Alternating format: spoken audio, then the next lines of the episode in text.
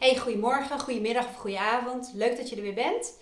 Ehm, ik heb een voornemen en die ga ik vandaag ook meteen in de praktijk brengen. En dat is om af en toe even te reflecteren op een uh, sessie. Als ik merk dat het een soort van universeel onderwerp is waar heel veel mensen wat aan kunnen helpen.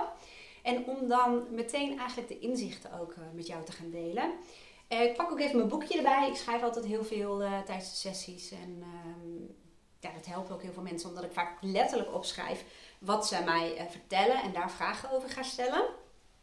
En vandaag had ik een klant bij mij die uh, meedoet met mijn levensplan en ook een gezondere en bewustere levensstijl wil hebben.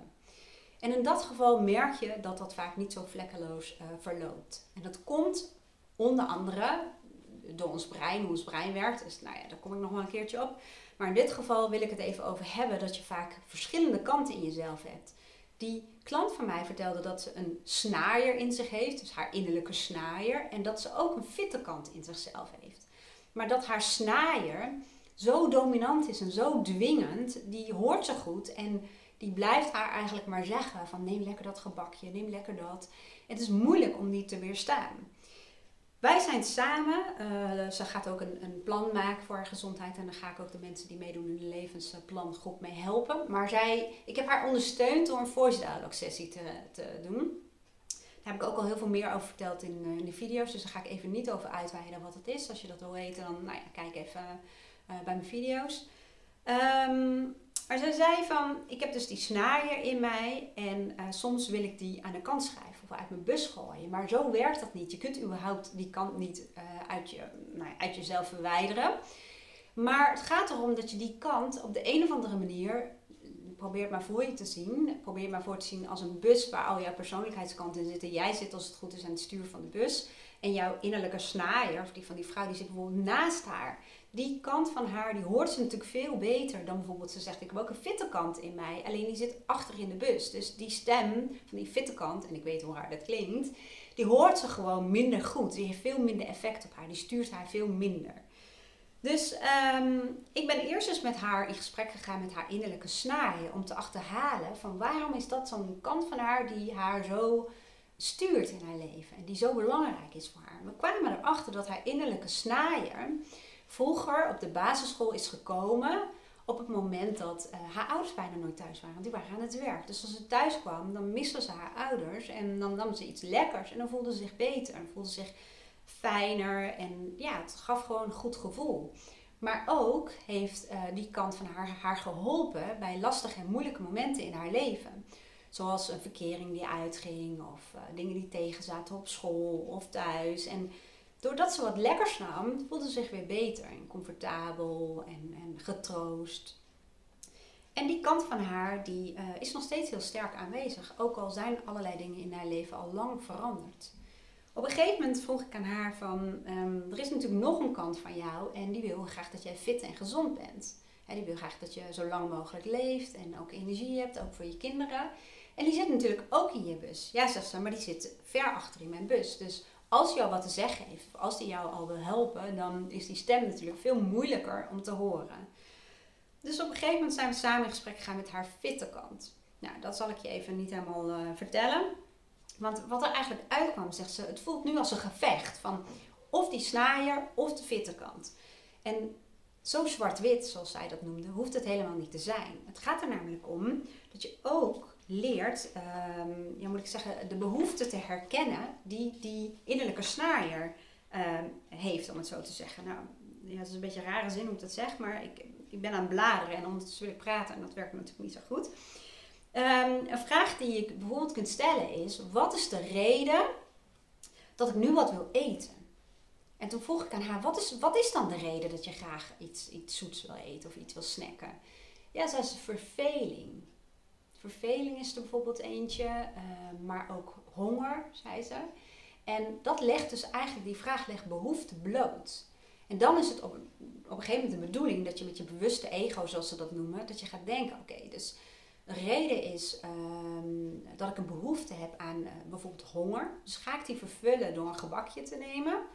Of ga ik iets voedzaams nemen? En ze vertelde ook verveling. Dus hoe ga je die oplossen? En op een gegeven moment zei ze ook, ja, maar soms heb ik er gewoon zin in en dan weet ik, kan ik niet zo heel goed de achterliggende behoeften uh, bepalen. Of misschien is dat gewoon plezier. Maar dat kan er ook zijn. Het gaat er niet om dat, dat, het, dat je of de een of de ander doet. Het gaat erom, ehm, en ik had dat op een gegeven moment, vond ik zelf al goed opgeschreven, van het gaat, niet dat het gaat er niet om dat de keuze zwart-wit is, dat je voor één van beide kanten moet kiezen. Of één van beide keuzes, maar het is vooral het hoe. In plaats van ehm, dan een gebakje eten, en ze zegt ook, ik eet dat vaak ook heel onbewust uh, met weinig aandacht, ik geniet daar niet eens van. In plaats van dus dat gebakje te eten, kun je ook uh, denken: oké, er is een behoefte aan iets lekkers, ik heb er gewoon zin in. Maar dus ook een behoefte aan een fit en gezond leven en een gezonde levensstijl. Dus hoe ga ik dat dan doen? Hoe ga ik voorzien allebei de behoeften? En in dit geval, want ik zal je vertellen, toen wij over gebakjes zaten te praten, dacht ik, ik zag in één keer, ik heb een laatste coaching uh, vandaag is, uh, is afgezegd, dus was ziek. En toen dacht ik, oh, ik kan even naar het winkelcentrum rijden. En dan haal ik zo'n lekker, um, zo'n hazelnootgebakje, zo'n heel knapperig gebakje. En die gaat lekker halen, gaat lekker eten, een kopje thee erbij. En dan ga ik dan wel weer aan het werk. Maar toen dacht ik, oh ja, doordat we het over gebak hebben, gebeurt er bij mij ook. Dus ook mijn innerlijke, uh, nou ja, wat is het, uh, zoete kou, die werd geactiveerd, om het zo te zeggen. Dus ik dacht bij mezelf ook van, oké, blijkbaar heb ik dus wel behoefte aan um, een momentje even zitten er even van genieten dat, er, dat ik nou, even wat meer tijd heb. Uh, maar ik heb ook behoefte aan nou, iets, iets lekkers. Ik heb er gewoon zin in. En dan ga ik denken, heb ik dan te weinig geluncht of wat dan ook. Dus ik ging voor mezelf kijken van wat is eigenlijk de reden waarom ik dat wil. En toen dacht ik, nee, ik vind het gewoon een lekker bewustzijnsmomentje. Gewoon even een kopje thee, even zitten. Even mezelf uh, dat trakteren. Ik denk, nou, dat vind ik een goede reden. Maar uh, om nou heel gebakje te nemen. En toen dacht ik, nou, weet je wat ik doe? Ik heb van die blokjes fudge gekregen van mijn dochter. En ik dacht, nou, als ik die nou door midden snij. Want het zijn best wel grote blokjes om het zo te zeggen. Als ik die door midden snij en een kopje thee zet en even gewoon lekker ga zitten. Even een momentje voor mezelf. Dan voorzie ik eigenlijk in beide behoeften. En dat is dat ik graag gezond wil leven. Nou, ik, ik moet ook zeggen, ik leef ook heel erg gezond en heel bewust. Maar het is natuurlijk ook niet zomaar gekomen. Hè? Dat is ook een bewustzijnsproces geweest. Want ik was echt een enorme snoepkont, om het zo te zeggen. En ik dacht, ja, dan voorzie ik in beide behoeften. Want blijkbaar heb ik zin in dat momentje voor mezelf. Maar ik neem dan zo'n uh, halfje van een fudge. En dan ga ik ook lekker voor zitten. En dan ga ik met aandacht eten. Dus essentie van dit verhaal is eigenlijk dat heel veel dingen helemaal niet zo zwart-wit zijn. Het is niet vaak zo, ik kies of voor gezond of ik kies voor slecht. Nee, Stel jezelf de vraag, in het geval van eten, wat is de reden waarom ik nu wil eten? En dat legt behoeften bloot. En ga dan kijken, hoe kun je allebei de behoeften, of meerdere behoeften, hoe kun je daarin voorzien? En op welke manier ga je dat doen? Als het verveling is, dan nou, misschien helpt het wel om de auto te pakken en op pad te gaan. En als het echt is wat ik voelde, dat momentje van even lekker zitten. En ik had ook nog zoiets van, ja, dan ga ik er even uit. En toen dacht ik, oké, wat ik dus ga doen, ik ga zo meteen even een kopje thee zetten. Ik ga die fudge nemen. En dan ga ik vanavond samen met Aaron gaan we gewoon een stuk wandelen. Maar blijkbaar heb ik ook een behoefte om er even uit te gaan. Um, dus ik heb even een momentje voor mezelf en daarna ga ik weer aan het werk. Dus uh, zo kun je uh, ja, afstemmen eigenlijk op verschillende behoeften die je hebt. Ik hoop dat je hier wat aan had, dat je hier wat mee kunt. En um, nou, mocht je nou denken, levensplan, waar heeft het in godsnaam over? Nou, ik ben dus bezig met een groepje om een uh, levensplan op te stellen. Dat is, ik zeg het is geen project, dat is een proces. Dat betekent eigenlijk dat je je allerbelangrijkste persoonlijke waarden in beeld brengt. En dat je um, daar ook echt betekenis aan geeft, zoals bijvoorbeeld in dit geval gezondheid.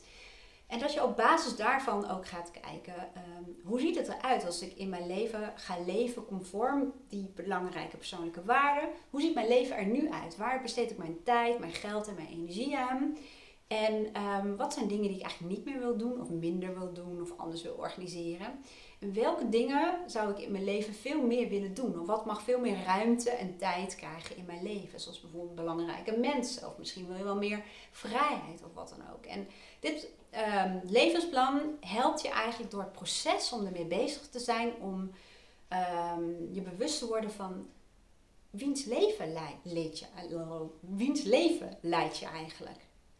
Is dat, uh, doe je vooral dingen um, wat andere mensen van je verwachten? Doe je maar wat? Heel veel mensen doen maar wat. Ik herken dat wel van, uh, nou ja, iets van tien jaar geleden. Doe maar wat. Gewoon een riedeltje wat je doet.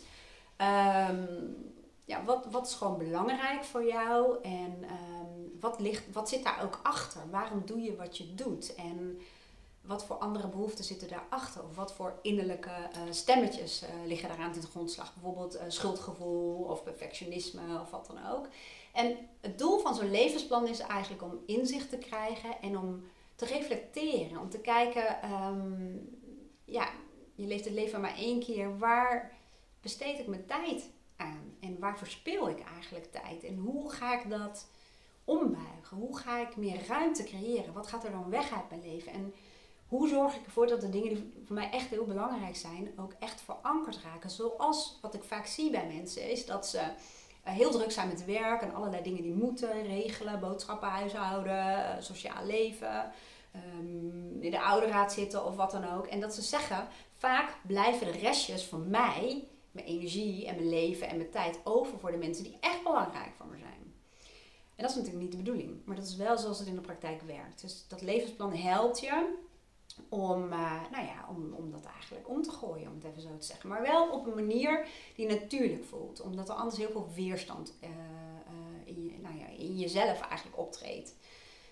Even kijken of ik zo de essentie heb gezegd. ja, ik denk het wel. Mocht jij zeggen, nou, ik wil eigenlijk wel graag aansluiten bij de volgende groep waarmee ik het levensplan ga maken, dan stuur me even een appje of een mailtje.